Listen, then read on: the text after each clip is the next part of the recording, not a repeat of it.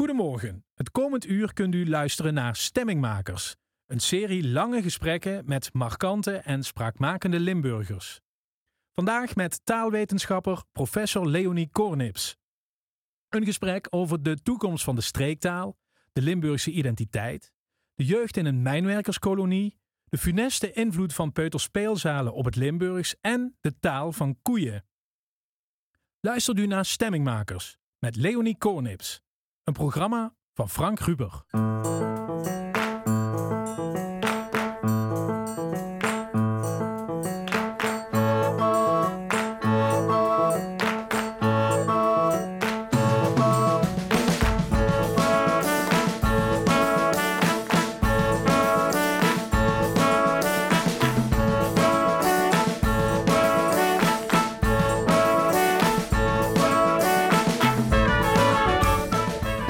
Kan me nog herinneren dat, eh, dat de mijnwerkers zich verzamelden op de hoek van de Amsterdamstraat met de pungels. De rode pungels, kan ik me nog goed herinneren, met de bus opgehaald werden. Eh, ja, absoluut. En dat, ik vond dat een ongelooflijke leuke buurt. Wijk om en op te groeien. We hebben ongelooflijk veel buiten gespeeld. Kinderen kwamen overal vandaan. Ja, het was de normaalste zaak van de wereld. Pas veel later begreep ik hoe uitzonderlijk eigenlijk de situatie was. Dat heel veel van je, vriend, eh, van je vriendinnetjes Joegoslavische ouders had, of Tsjechische ouders, of Poolse ouders. Leonie Kornups groeide op in de kolonie Schaasbergenveld in Heerlen. Een multiculturele buurt aan volle letteren. De voertaal op straat en in het gezin was Heerlens Nederlands. Kornups ging Nederlands studeren aan de Universiteit in Amsterdam, waar ze promoveerde op dat Heerlens Nederlands. Sinds 2001 werkt taalkundige en sociolinguist Kornups als onderzoeker bij het Meertens Instituut. Ze bestudeert het Limburgs, straattaal van jongeren en sinds kort ook de taal van koeien. Daarnaast is ze sinds zes jaar ook bijzonder hoogleraar taalcultuur in Limburg aan de Universiteit Maastricht. Over de toekomst van de Limburgse streektaal, het plat, heeft zo haar zorgen. Ja, ouders zijn niet meer geboren en getogen in dezelfde plek zoals vroeger. Dus wanneer de een uit Venlo komt en de ander uit, laten we zeggen, Roermond, ga je dan dialect A en dialect B aanbieden aan je kind? Of besluit je dan toch om Nederlands te spreken? Of je hebt een partner van buiten Limburg. Eh, en daarna zijn komen er natuurlijk steeds eh, nieuwe mensen in Limburg wonen, waar vandaan dan ook. Daar is het Limburg spreken ook weer niet vanzelfsprekend.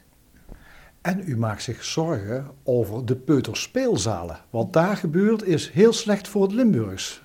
Ja, met eh, alle goede bedoelingen. Dus wat er gebeurt op de Peuterspeelzaal. Kijk, vroeger, eh, dat is wel heel belangrijk om te zeggen. Vroeger was je vier jaar als je naar de kleuterschool ging. Uit onderzoek weten we dat als je vier jaar bent, heb je grotendeels je moedertaal al verworven. En dan ben je cognitief, ben je best sterk. Dan kan je heel goed onderscheiden dat je taal A thuis spreekt en taal B op school. Maar nu zijn die kinderen heel erg jong, veel jonger, die naar de kleuterschool of naar de uh, peuterspeelzaal gaan. Dat kan al variëren van anderhalf uh, tot twee jaar. En zij zijn nog volop aan het ontwikkelen, überhaupt taal aan het ontwikkelen. Ze hebben nog geen moedertaal verworven, zijn daarmee bezig. En zij kunnen nog niet goed onderscheiden, want hun hersens moeten nog groeien. Neurale verbindingen moeten nog gelegd worden. En uh, zij kunnen niet goed onderscheiden dat je taal A thuis spreekt en taal B, bijvoorbeeld op de peuterspeelzaal. Dus wat er gebeurt is, wanneer je naar de peuterspeelzaal gaat, dan merk je dat het Nederlands gebruikt wordt in alle belangrijke situaties, maar dat, je, uh, dat het Limburgs gebruikt wordt voor de pauze of om te troosten. Dus je merkt dat dat een bijtaal is. En op het moment dat de jonge kinderen dat merken, uh, besluiten ze er vaak voor om thuis helemaal geen dialect of Limburgs meer te spreken. Dus dat wordt Nederlands. Dus dat, u bedoelt dat ook al wordt er door vader en moeder thuis Limburgs gesproken, als het kind heel vroeg op die peuterspeelzaal in aanraking komt met dat Nederlands, dan gaat dat kind geen Limburgs meer tegen zijn vader, zijn moeder, zijn opa en zijn oma spreken. En zelfs willen uh, papa en mama echt wel dat het kind dialect spreekt en blijven ze dat ook stug volhouden. Het kind kiest voor Nederlands. En dat corrigeert het kind later ook niet als bijvoorbeeld vader en moeder dat graag zouden willen? Um, Ik ben nog niet zo lang de kinderen aan het volgen dat ik daar iets over kan zeggen. We weten wel van Antwerpen, van Antwerpse kinderen, die willen ook geen dialect spreken op het moment dat ze naar school gaan. Maar die hadden dat wel in de puberteit in. Dan vinden ze opeens het dialectgebruik met uh, ja, hun vrienden en vriendinnen wel heel erg belangrijk. Alleen is dan de kwaliteit van het Antwerpse is anders, want ze hebben natuurlijk niet die taal volledig als moedertaal meegekregen. Dus we merken ook bijvoorbeeld, we zeggen wel, ja, jongeren schrijven uh, op social media in het Limburgs. Maar wanneer je daar echt naar kijkt, dan zie je eigenlijk dat het homeopathische dosis, doseringen zijn. Dus vaak is één woord al voldoende in de zin, de rest is Nederlands, om te laten zien, kijk, ik ben van Limburg, ik heb in het Limburgs. Maar dat is nog wat anders dan volledig in het Limburgs schrijven. Ja, want het is dan ook niet je moederstaal. Het is niet de taal waarmee je echt bent opgegroeid. Dus dat voelt anders. Ja, dat voelt anders. Ja, absoluut. Ja.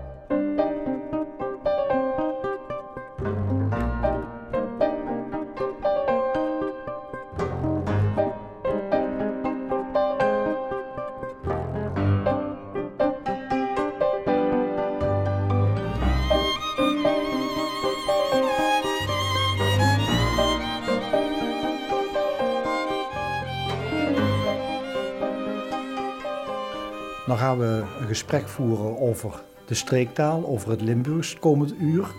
En dat gesprek vindt plaats in het Nederlands. Ja, dat is toch de vraag, denk ik, die maar gesteld moet worden. Hoe kan dat?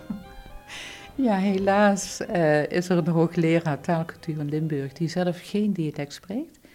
Uh, geen Limburg spreekt, mijn ouders wel. mijn moeder sprak Sittard en mijn vader uh. Uh, maar ik ben in Heerlen opgegroeid uh, met mijnwerkers, uh, kinderen. die spraken Tsjechisch, Pools, Italiaans en zeker geen dialect. En thuis ook geen dialect dus? Nou ja, wel als de telefoon ging, met de buren, met familie, dialect volop. Maar niet met de kinderen en ook niet, mijn vader en mijn moeder hebben het ook niet met elkaar gesproken. En dat komt, zeiden ze altijd, ze hebben elkaar leren kennen met volksdansen. Ergens anders dan Sittard en Maastricht.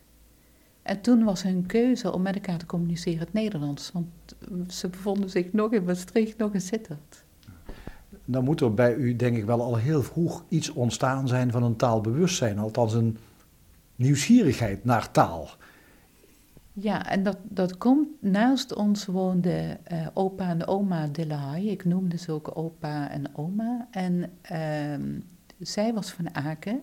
Ze sprak eigenlijk ja, een soort Duits. Voor mij klanken eh, erg Duits.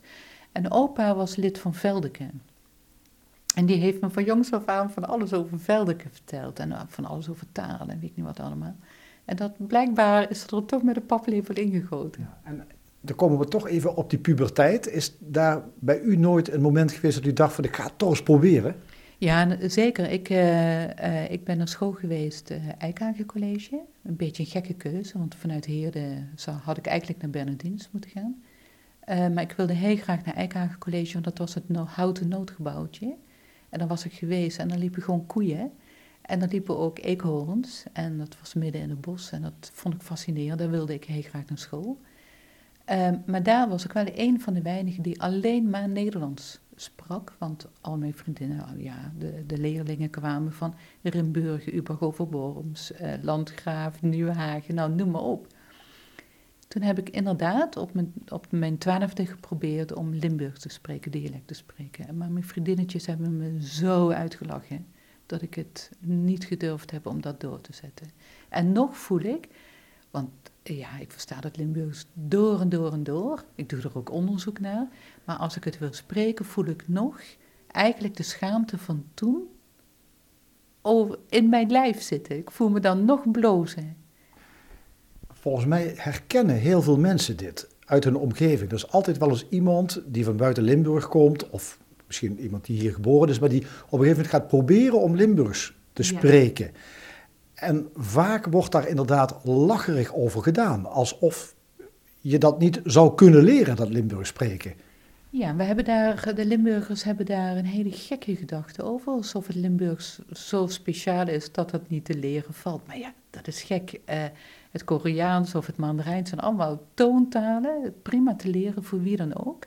En waarom zou dat Limburgs niet te leren zijn? We, we En- doen ons eigenlijk ook tekort door mensen dus meteen eigenlijk duidelijk te maken van laat maar zitten, kun je toch niet.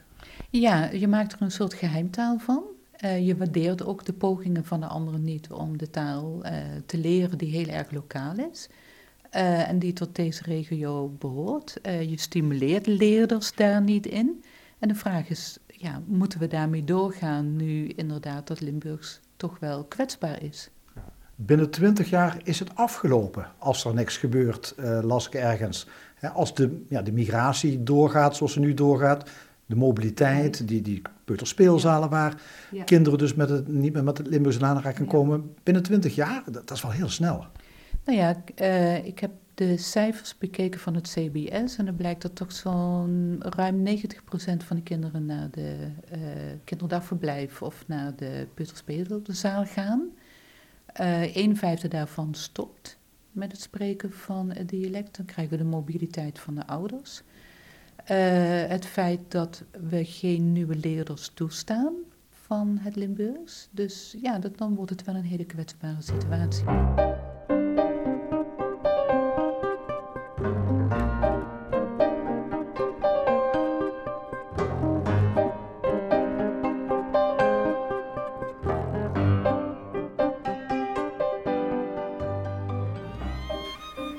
Terug naar Heerlen, want u groeide daar op in een, in een kolonie, was het? Ja, Schaars, Schaarsbergenveld. Ja, mag je dat een kolonie noemen? Ja, dat denk ik wel. Ja, daar, daar woonde, ik, ik kan me nog herinneren dat, eh, dat de mijnwerkers zich verzamelden op de hoek van de Amsterdamstraat met de pungels. En de rode pungels, kan ik me nog goed herinneren, met de bus opgehaald werden. Eh, ja, absoluut. En dat, ik vond dat een eh, ongelooflijke leuke buurt. Wijk om en op te groeien. We hebben ongelooflijk veel buiten gespeeld. Kinderen kwamen overal vandaan. Ja, het was de normaalste zaak van de wereld. Pas veel later begreep ik hoe uitzonderlijk eigenlijk de situatie was. Dat heel veel van je, vriend, eh, van je vriendinnetjes Joegoslavische ouders had, of Tsjechische ouders, of Poolse ouders. Ja. En wa- wat, wat spraken die mensen allemaal onder elkaar? Waren er veel vreemde talen te horen? Ja, ik denk, de- toen, toen, ja, je hoorde wel Joegoslavisch en Italiaans. Niet dat ik dat kon benoemen, eh, toen de tijd, maar dat, dat, dat viel wel te beluisteren, ja. Ja. En allemaal jongens en meisjes met hele aparte achternamen in de klas? Ja, ook dat. Ja, de Patelskis en eh, Ignatius en ja, inderdaad. Ja, ja. Dus een, eigenlijk een multiculturele buurt in een periode dat dat woord helemaal nog niet bestond. Nee, ik, wij, wij benoemden dat ook niet zo. Ik kan me ook niet herinneren dat mijn ouders het een multiculturele buurt noemden. Absoluut niet. Ook niet dat het een mijnwerkersbuurt was. Of nee, helemaal niet. Het was gewoon een, een doodnormale wijk. Hoe, hoe gingen die mensen met elkaar om? Hadden, hadden die wel iets gezamenlijks? Ja, nee, er was wel een heel groot wijkgevoel. We hadden de speeltuin. Eh, een geweldige speeltuin, echt met een hoge eh, eh, glijbaan. een een bloeiende scoutingvereniging. De, de lagere school, daar was ik echt gek op, de Sint-Janschool. Eh, daarvan was het hoofd meester Smit. Meester Smit, als u luistert, dat was echt een geweldige meester. Hadden we ook een rijmpje voor. Meester Smit, kersenpit, eier, eierkop, kletskop. Zo'n zo'n rijmpje hadden we. Net, en, en in de winter werd eh, het plein ondergespoten met water, zodat het bevroor dat je daarop kon schaatsen. Eh, het was een heerlijke, heerlijke wijk. Veel mensen die van, eh, ja, uit allerlei delen van Europa kwamen, die ooit in die mijnen Ja. hadden gewerkt of misschien toen nog wel werkten, die allemaal hun eigen taal meebrachten. En dat heeft in Heerlen iets bijzonders opgeleverd. Eh, een, een, een heel apart dialect dat je eigenlijk alleen maar in Heerlen kan horen. Ja, dat is, of je het nou dialect moet noemen of Nederlands, het is toch wel, ik denk dat, eh, dat we het Nederlands noemen, maar met een dialect invloed. Ja, mensen die noemen het een afwijking. Hè? Eh, Ja, het Huilands, hè, wordt, het ook, eh, wordt het ook genoemd. Is Hollands om bij te huilen. Ja. En Ik, dat ik, is ik wel- pak, ik pak me nog een tas koffie, geloof ik, zoiets. Hè? Ja, ik pak me nog een tas. Of dat, ja, dat, dat, dat gaat zich niet. Of dat gebeurt zich niet. Of eh, dat geeft zich niet. En dat is wel echt mijn moedertaal. Eh, daar, eh, het Herens Nederlands is echt mijn moedertaal. En ik heb echt, toen ik naar Amsterdam ging studeren... tot mijn grote verbazing werd ik er voortdurend op gewezen... dat wat ik zei geen Nederlands was. Nee, toen heb de- ik ga de koffie inschudden, geloof ik. Dat is er Ja. ook wel zo eentje, hè? Ja, en eh ja, reeg zich niet op. En ja, en dat, dat, ja, dat is echt het Herens Nederlands. En in ieder geval vroeger, hoe dat nu is. Mijn onderzoek dateert van eh, eind jaren 80, begin jaren 90. Dus dat is toch ook alweer een tijdje geleden. Ik weet niet hoe het op dit moment is. Waardoor is dat aparte taaltje daar kunnen ontstaan in Heerlen? Ja, dus echt heel bijzonder. Heerlen is wat dat betreft de meest vooruitstrevende stad in heel Nederland. Dus waar overal in Nederland en vooral in Limburg pas na de jaren, na de Tweede Wereldoorlog, pas in de jaren 60, eigenlijk dat Nederlands langzamerhand ging ja, eh, do- doordringen in het maatschappelijk eh, leven en in de huisgezinnen. Was dat in Heerlen al in de jaren 1920 werd het dialect al verdreven uit het bestuur. Eh, dus dat betekent al dat toen al Nederlands eigenlijk al de, straal, de, de taal was van het publieke leven, van eh, bestuursleven. Maar dat Nederlands, er was toen nog geen tv, er was geen radio. Eh degene die echt, laten we zeggen, het goede Nederlands spraken, ja, daar kwam je niet mee in aanraking, want die woonden in Heerde-Zuid. Nou, als je een mijnwerker was, dan woonde je in Heerde-Noord. Je kwam echt niet in aanraking met de ingenieurs of met de mijndirectie of met de notabelen toen de tijd. Dus mensen zijn overgeschakeld op dat Nederlands, zonder eigenlijk precies te weten hoe dat nou, hoe dat nu in elkaar zat, grammaticaal gezien. Dus ze hebben vanuit een dialect langzamerhand dat Nederlands daar overheen gelegd. Want het vasthouden aan dialect was geen optie volgens die mensen toen. Nee, want in de jaren 30 eh, blijkt dat het aantal, het aandeel eh heerlen, heerlenaren in de eigen stad al een minderheid vormde. Dus je moest over naar een andere taal, wilde je met de anderen in contact komen.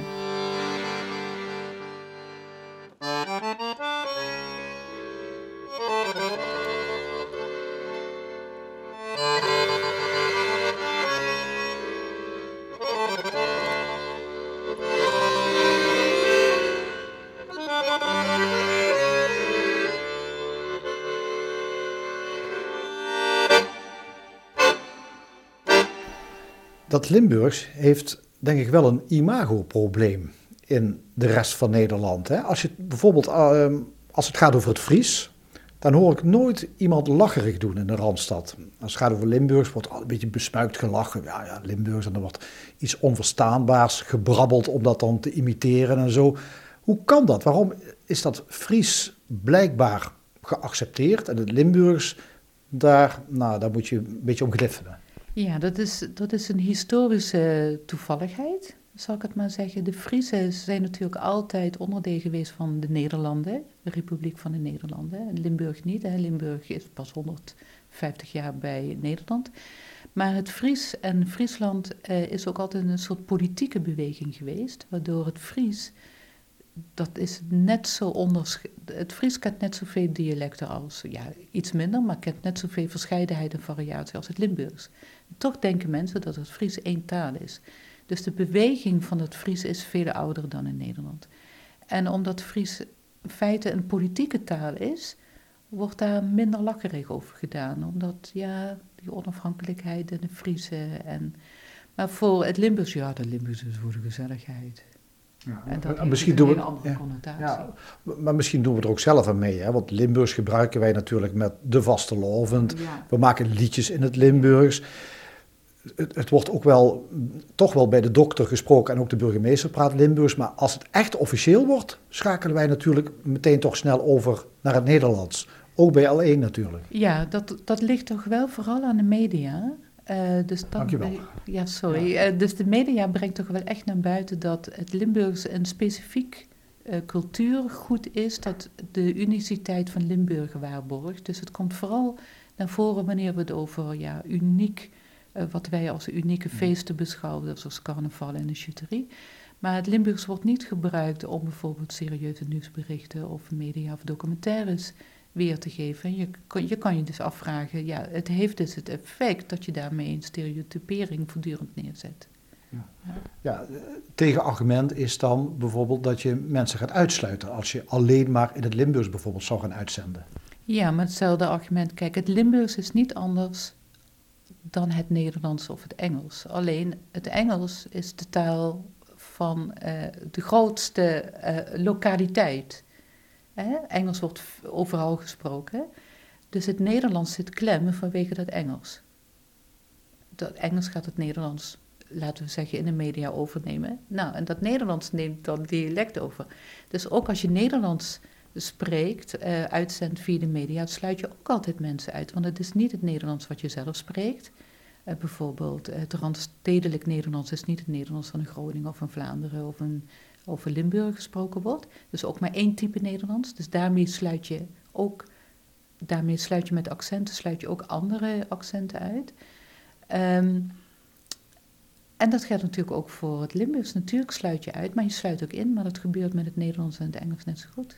elke taal sluit uit en sluit in. Ja, dat, is, dat, dat ligt niet aan de specifieke taal. Taalwetenschapster Leonie Kornups heeft de afgelopen jaren onderzoeken gedaan naar het gebruik van het Limburgs. Herhaaldelijk sprak ze ouders die hun kinderen bewust geen dialect leerden, omdat ze vrezen dat hun kinderen dan een achterstand oplopen. Thuis Limburgs spreken en op school Nederlands is te ingewikkeld voor kinderen, is het idee. Maar het tegendeel blijkt waar. Tweetaligheid stimuleert juist het kinderbrein. We hebben de afgelopen negen jaar via die leerstoel behoorlijk wat onderzoek gedaan. En we zien dat uh, kinderen die in het Limburgs uh, uh, opgroeien, bijvoorbeeld bij CITO significant hogere scores hadden voor spelling dan eentalig. Hogere scores zelfs, dus ja. het tegenovergestelde is waar. Ja, significant, significant. En dat is ook natuurlijk heel begrijpelijk, want voor het Limburgs spreek je een lange ei en een korte ei. Je hebben twee verschillende klanken in het Nederlands. Dus wief versus, ja, uh, een korte en uh, versus wij. Dus je spreekt dat ook anders uit. Dus een Limburgs kind weet al heel snel, op het moment dat het in het Nederlands gaat leren, dat een korte ei en een lange ei echt wel iets anders is. Maar je, je, ontwikkelt een bepaald taalgevoel wel, doordat je tweetalig bent. Ja, je, je ontwikkelt een uh, taalbewustzijn en daar heb je je hele leven voordelen bij. Dus die achterstandsgedachte is een politieke gedachte. Dat was ervoor bedoeld om te zorgen dat de mensen eentalig werden. Ja, ja het gekke is ook wel als je kinderen bijvoorbeeld in het Frans en in het Nederlands opvoeden, of in het Duits of het Spaans als tweede taal thuis erbij, dan wordt dat vaak wel uh, op waarde geschat. Ja, ik heb met lezingen wel een keer ja, het spelletje gedaan waarin ik een aantal talen op het bord uh, neerschreef en aan de mensen vroeg welke taal is volgens jou nu het belangrijkste en welke taal is het onbelangrijkste. En daar zijn de meningen insluitend over, dus Engels komt altijd bovenaan. Uh, en Frans en Duits en onderaan komt dan het Turks en het Arabisch en het Berbers en het dialect. Absoluut.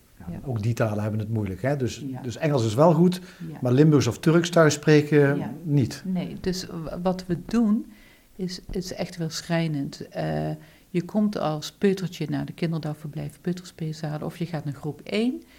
Dan moet je de rugzak met alle talige bagage die je thuis hebt opgedaan in je andere taal moet je thuis laten. Dat mag je niet meenemen naar school. En dan in school wordt je een soort leeg vat gemaakt, waarin dan opeens Engels erin gegoten moet worden. Terwijl je niet vanuit je Arabisch of je Turks of je Berbers of vanuit je dialect mag denken. We doen kinderen echt onrecht. En ook onszelf als samenleving doen we, doen we onrecht aan. Leonie Kornups begeleidt aan de Universiteit Maastricht promovendi. In 2011 stapte Lotte Tissen binnen. Deze jonge Roermondse ging onderzoek doen naar het in- en uitsluiten van mensen door taalgebruik. Cornips en Tisse werkten nauw samen en leerden elkaar ook persoonlijk goed kennen. En Lotte Tisse ontdekte al snel Cornips grote liefde voor dieren, tevens haar nieuwe onderzoeksgebied. Uh, nou, haar werk is wel echt uh, haar liefde en haar passie. Uh, maar ook tijdens het werk is er wel altijd ruimte voor persoonlijke dingen. Of, ja, je, je merkt wel echt dat Leonie ook daarnaast een, een mens is. Met andere interesses dan alleen maar de wetenschap. En uh, wij hebben ook echt een hele persoonlijke band tijdens, die, uh, ja, tijdens het hele promotietraject van mij uh, opgebouwd. En eh, ja, dat is wel heel bijzonder te noemen. Ja. Kun je met haar lachen?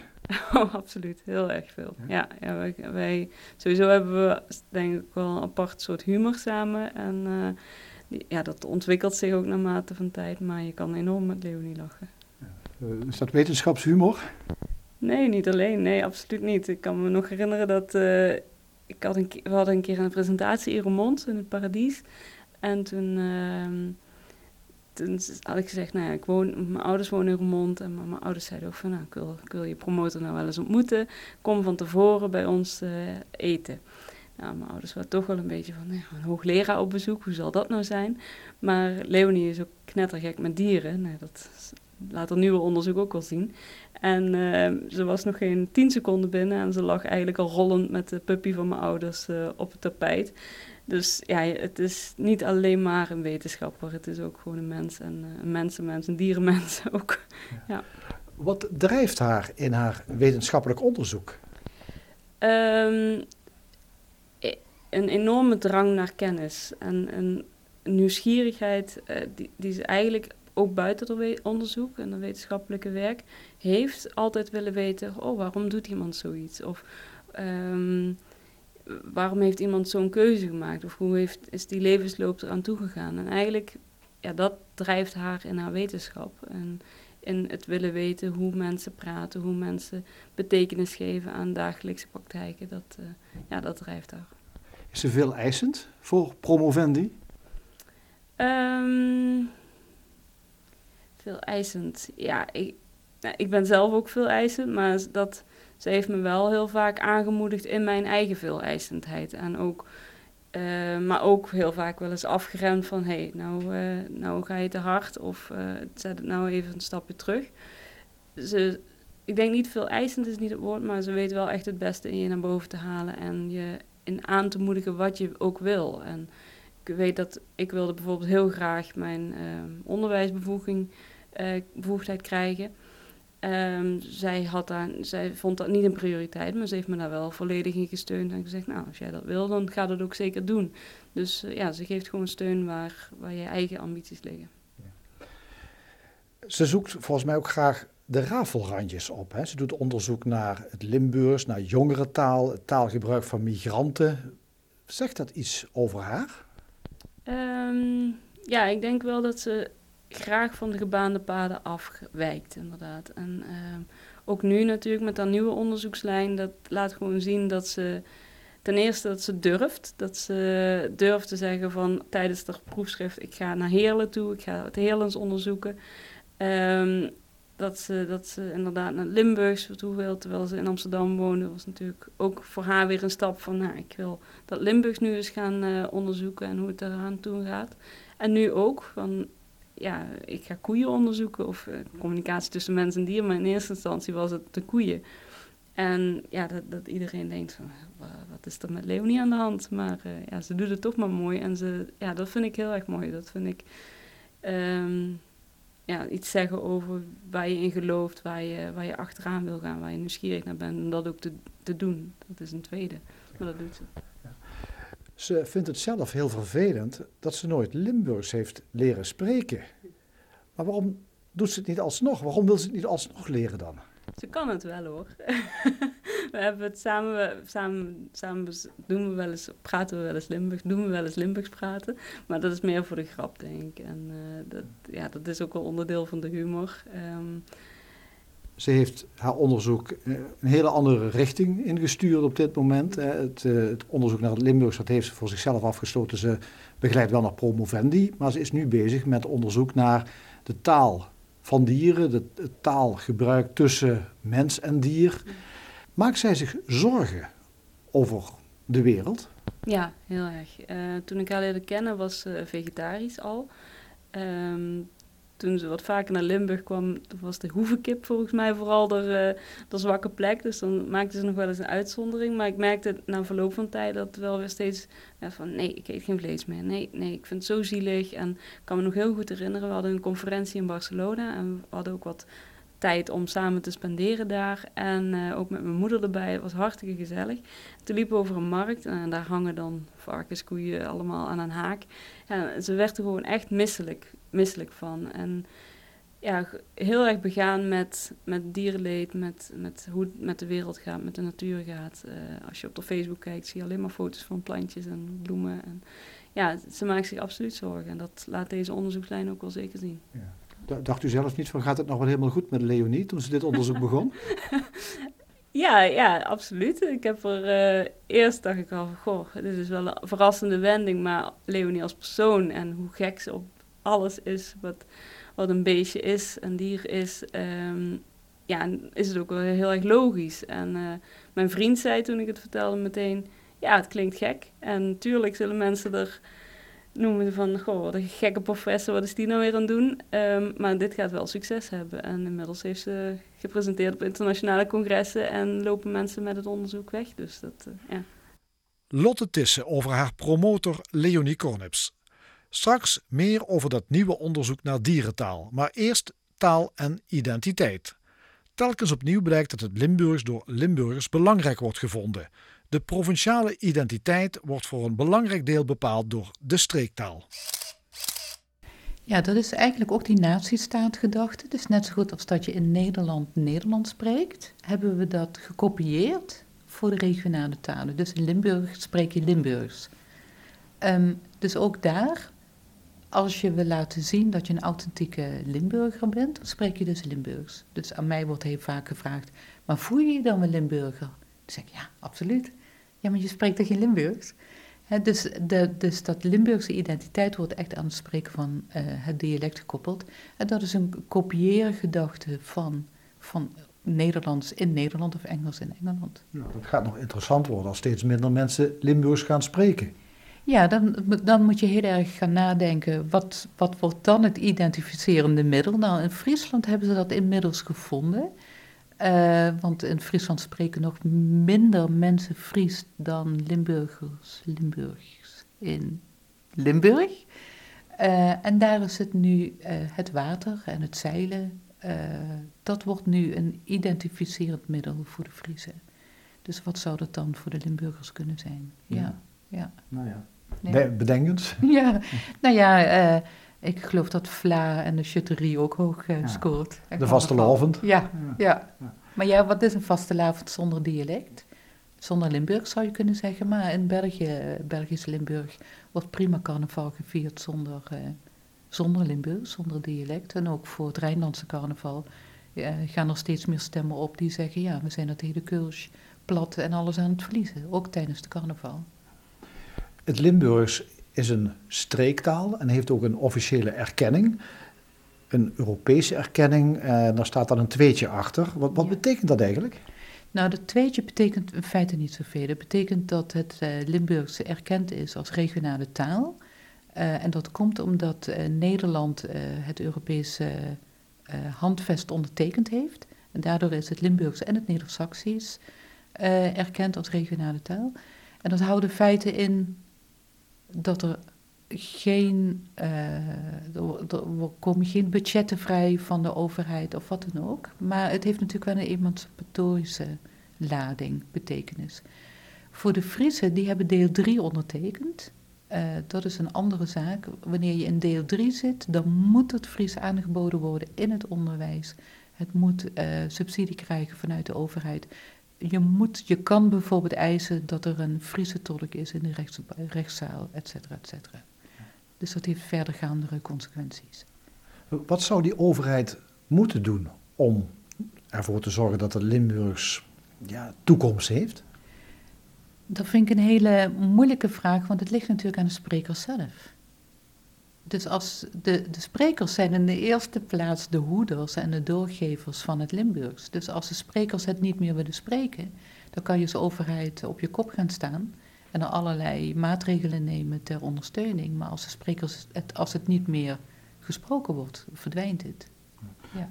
Dat betekent dat je dus, denk ik, even terug naar die peuterspeelzalen moet. Maar daar zou je als overheid natuurlijk wel een rol in kunnen spelen. Ja, dat, dat kan zeker, maar dat moet altijd, eh, kijk, de overheid moet altijd een rol spelen wanneer je het over de Putterspeelzaden hebt. Altijd met de Putterspeelzaden, maar eh, vooral met de ouders zelf. Dus het moet altijd van onderaf gedragen worden, wil je iets van het taalbeleid neerzetten. Je, je kan dat niet opleggen, tweetaligheid in de Peuterspeelzaal? Nee, dat, kan, dat, dat mag niet en dat kan ook niet. Ik denk niet uh, dat dat op maar... Kijk, uh, ik, ik ik vergelijk altijd dan Limburg in dit opzicht met het Friesland, dat dan een hogere vorm van erkenning heeft, maar er is geen enkele garantie dat daar nou meer mensen Fries spreken. Absoluut niet. En dan is er nog de, de, de, de migratie. Hè? De, ja, we, we gaan alle kanten op. Jongeren verlaten de provincie. Andere mensen komen juist weer naar Limburg toe om hier te werken. Daarmee verlies je natuurlijk ook heel veel dialectsprekers. Ehm, wat, zou je daar aan kunnen doen? Zou je mensen die hier naartoe komen, zou je, ja, zou je daar iets mee kunnen met dat Limburgs? Ja, natuurlijk. Uh, wat we uh, heel snel zouden moeten professionaliseren is het geven van Limburgs als tweede taal. Zowel in het Engels als in het Nederlands. Dat iedereen die naar Limburg komt, of mensen die in Limburg wonen zoals ik, die het Limburgs willen leren spreken, uh, dat, je, dat je naar, bijvoorbeeld hier naar het talencentrum aan de universiteit kan gaan en dat je daar op een professionele manier Limburgs aangeboden krijgt. Zijn er mensen die dat willen, die dat willen leren? Ja, ik heb heel veel brieven ontvangen. Uh, zowel van, uh, laten we zeggen, Hollanders die al 40 jaar in Limburg wonen en die zeggen tegen mij: Ik heb zo vaak geprobeerd om te leren, maar iedereen doet zo lacherig, ik ben er toch mee gestopt. Um, tot tot asielzoekers die, als zodra ze weten dat ze hier kunnen blijven in Limburg, want ja, dat weet je natuurlijk nooit zeker, je kan uh, je weet niet wat je toekomst is, maar op het moment dat je hier wil blijven en je wil investeren in dat Limburg, dat ook dat Limburgs, dat dat voor velen een, een leuke bezigheid is. En ik hoor het ook bij de studenten hier aan de UM. We hebben natuurlijk een hele internationale studentengroep die gefascineerd zijn door het Limburg. Zo graag willen spreken. Maar ja, waar leer je dat? Dus dat is het eerste wat we moeten gaan doen. Na de eerste Peutelspees halen en dan uh, Limburgs als tweede taal.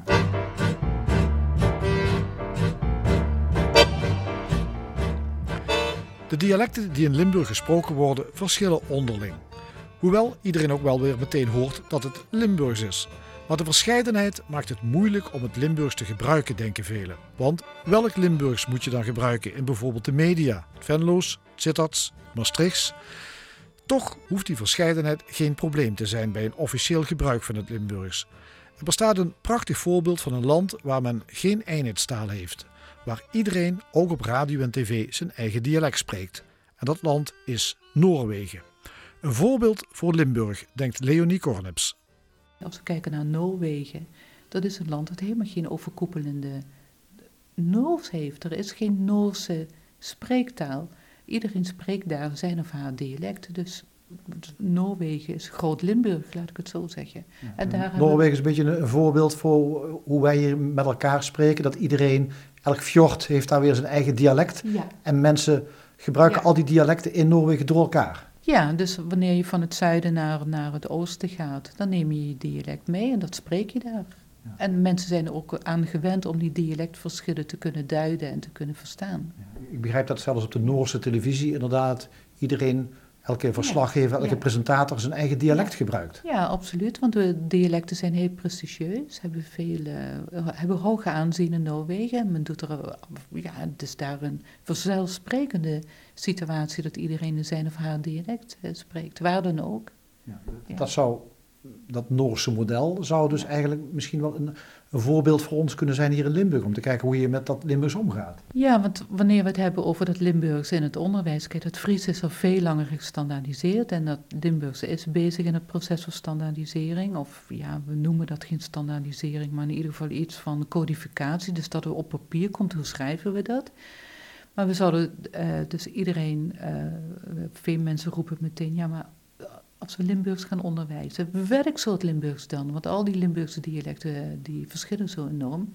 Dat geldt voor Noorwegen ook. En in, in het Noorse parlement is in 1874 al bepaald dat uh, de kinderen les krijgen in het dialect dat ze spreken. Nou, dat is bijvoorbeeld voor de peuterspeesade hier in Limburg heel goed te doen, want heel veel juffen en meesters op de peuterspeesa spreken het lokale dialect als je iets verder gaat naar de middelbare school, wordt het natuurlijk wat moeilijker. Hè? Dan ga je naar een andere stad, ander dorp. en dan krijg je meteen de, meteen de stammenstrijd. Dat je daar een ander dialect les krijgt. Ja, maar misschien moeten we die stammenstrijd eens een keer ombuigen naar respect voor die andere stammen en hoe ze spreken. En dat je prima je eigen dialect kan spreken, maar die anderen ook. Leggen wij misschien te veel de nadruk op de verschillen tussen die Limburgse dialecten en te weinig op hetgeen ons verbindt? Ja, ik denk dat uh, als we kijken naar, uh, de, Lim naar de dialecten in Limburg, uh, je noemt dat in de literatuur het narcisme van het kleine verschil. En dat betekent eigenlijk dat hele kleine verschillen enorm opgeblazen worden tot grote verschillen. En wat je in dat proces doet, is dat je in feite vergeet om te kijken naar het bindende element. En dat bindende element is Limburgs, zoals het erkend is. En dat is een politieke erkenning. En als dat Limburgs doorgegeven, als we willen dat uh, de komende generaties dat ook nog spreken, zullen we over die verschillen heen moeten stappen.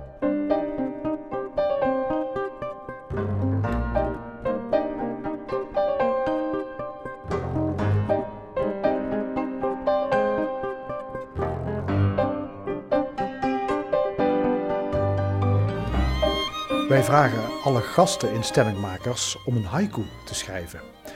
Een haiku dat is een eh, Japans gedicht en dat voldoet aan hele strenge regels.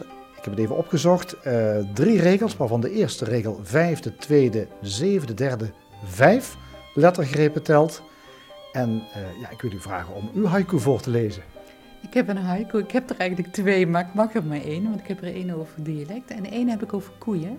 En mijn haiku over koeien is een ode aan de koe Loeiende koeien blijken in werkelijkheid communicabel. Mooi, want dat sluit aan bij het nieuwe onderzoek. Eigenlijk is het onderzoek naar streektaal in Limburg, dat heeft u min of meer afgesloten. U, doet dus heel anders nu. Nou, afgesloten. Ik heb natuurlijk heel veel promovendi die ik voortdurend begeleid. En zij doen allemaal onderzoek op de een of andere vorm naar het Limburgs. Dus dat, dat onderzoek naar het Limburgse blijft echt wel voorbestaan. Maar de onderzoeker kan meer aan. En ik ben inderdaad met een nieuw onderzoek uh, begonnen. Ja.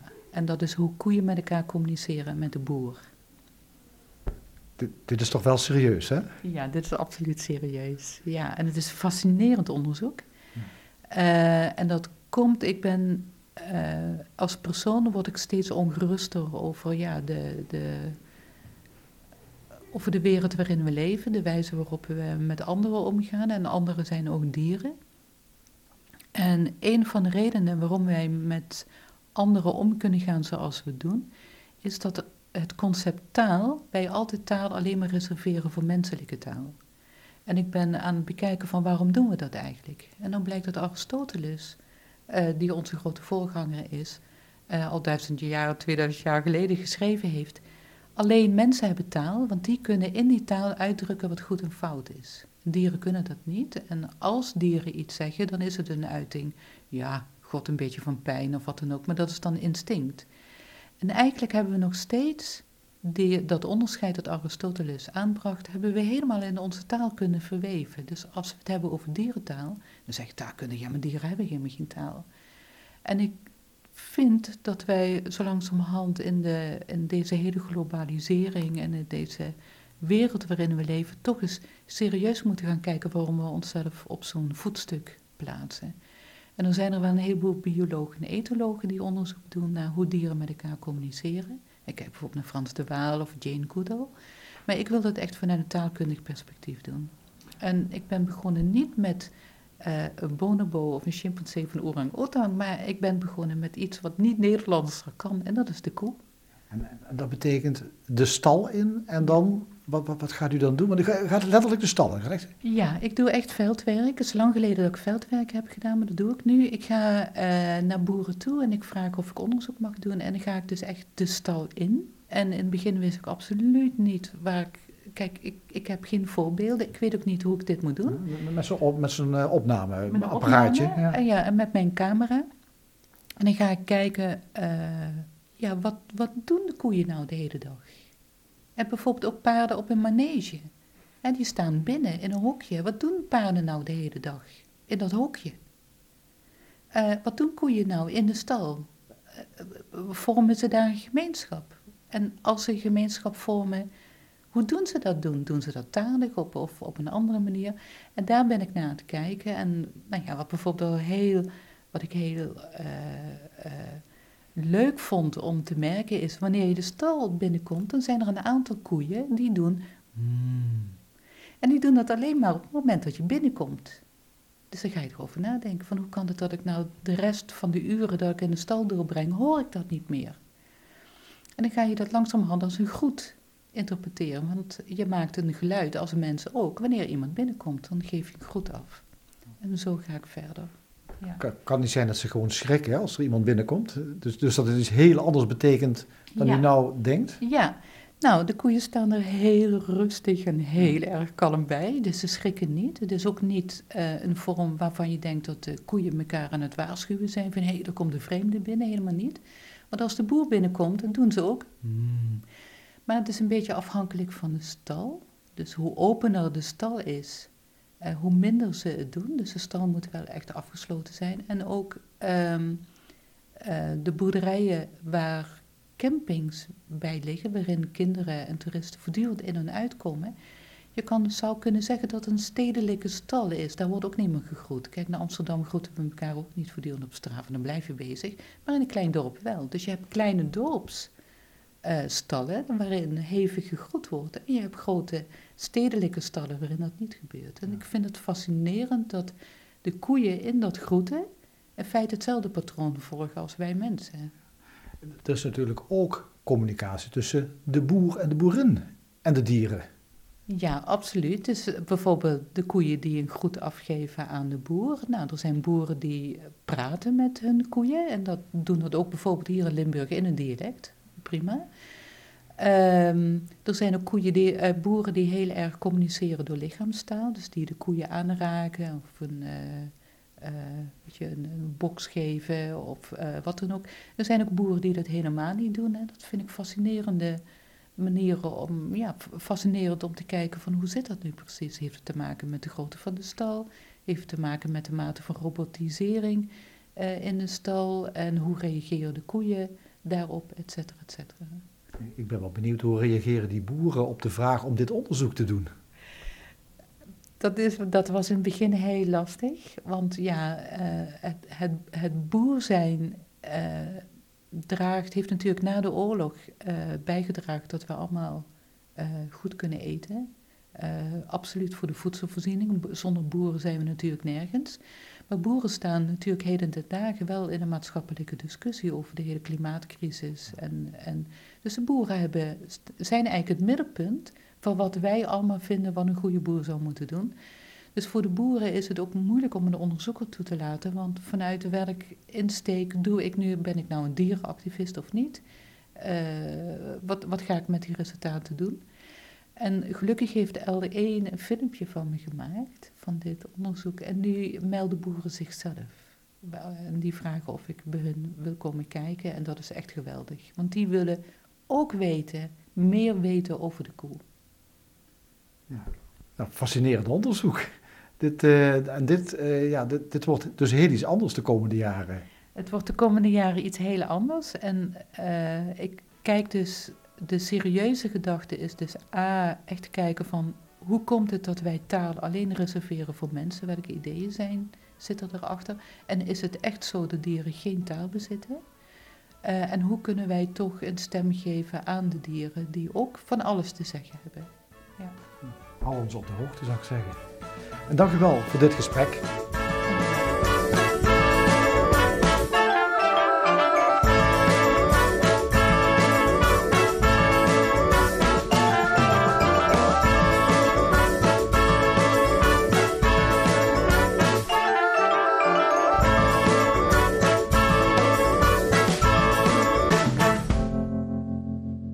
Geluisterd naar Stemmingmakers.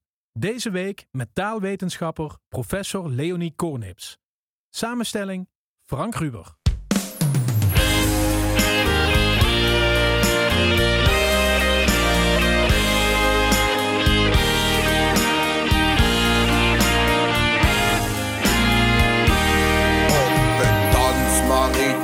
Treffen zag ik je dansen.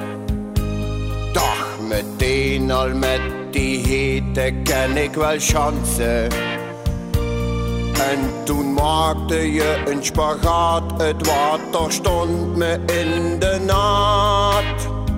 Je denkt toch niet dat ik je bij die zwoele pater laat.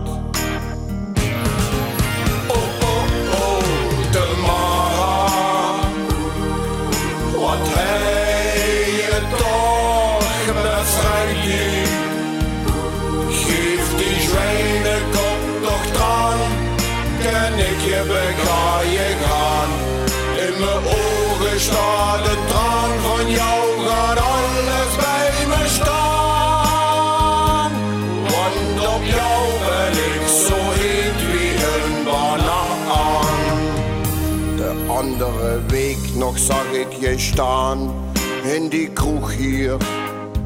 Je viel me meteen op tussen die lege glazen bier. Frankie was er dus niet bij en daarvoor voel ik me nou wie een ei.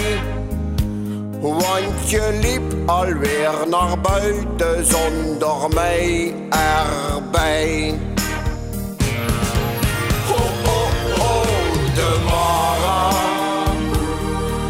Wat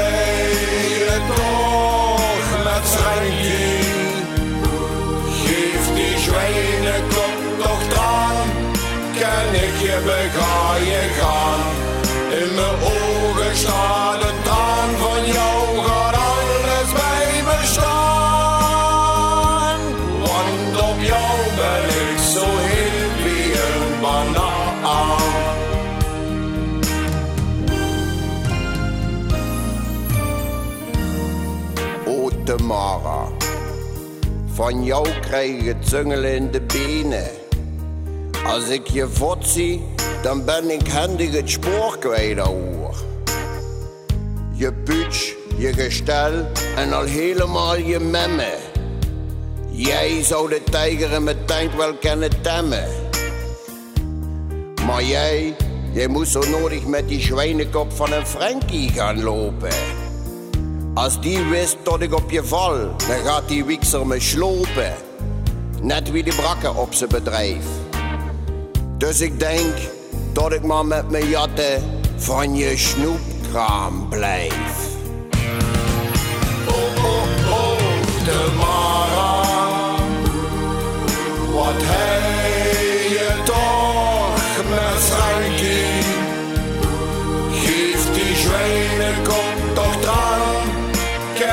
je bega je gaan? In mijn ogen staat een traan van jou.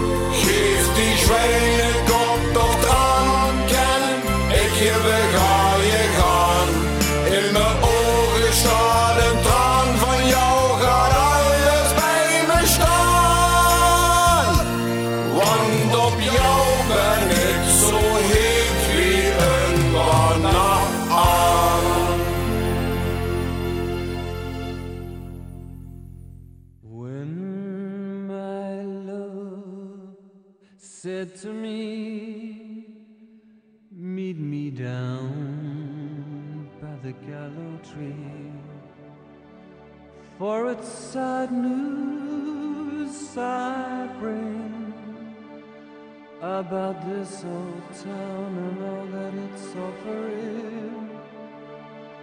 Some say trouble's abound. Someday soon they're gonna pull the old town down. One day we'll return here when the Belfast child sings again.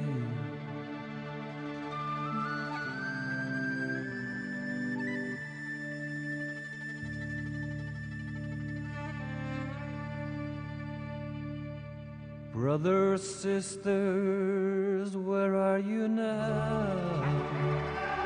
As I look for you right through the crowd. All my life here I've spent with my faith in God and church and the government. Some say troubles Someday soon they're gonna pull the old town down. One day we'll return here when the Belfast child sings again.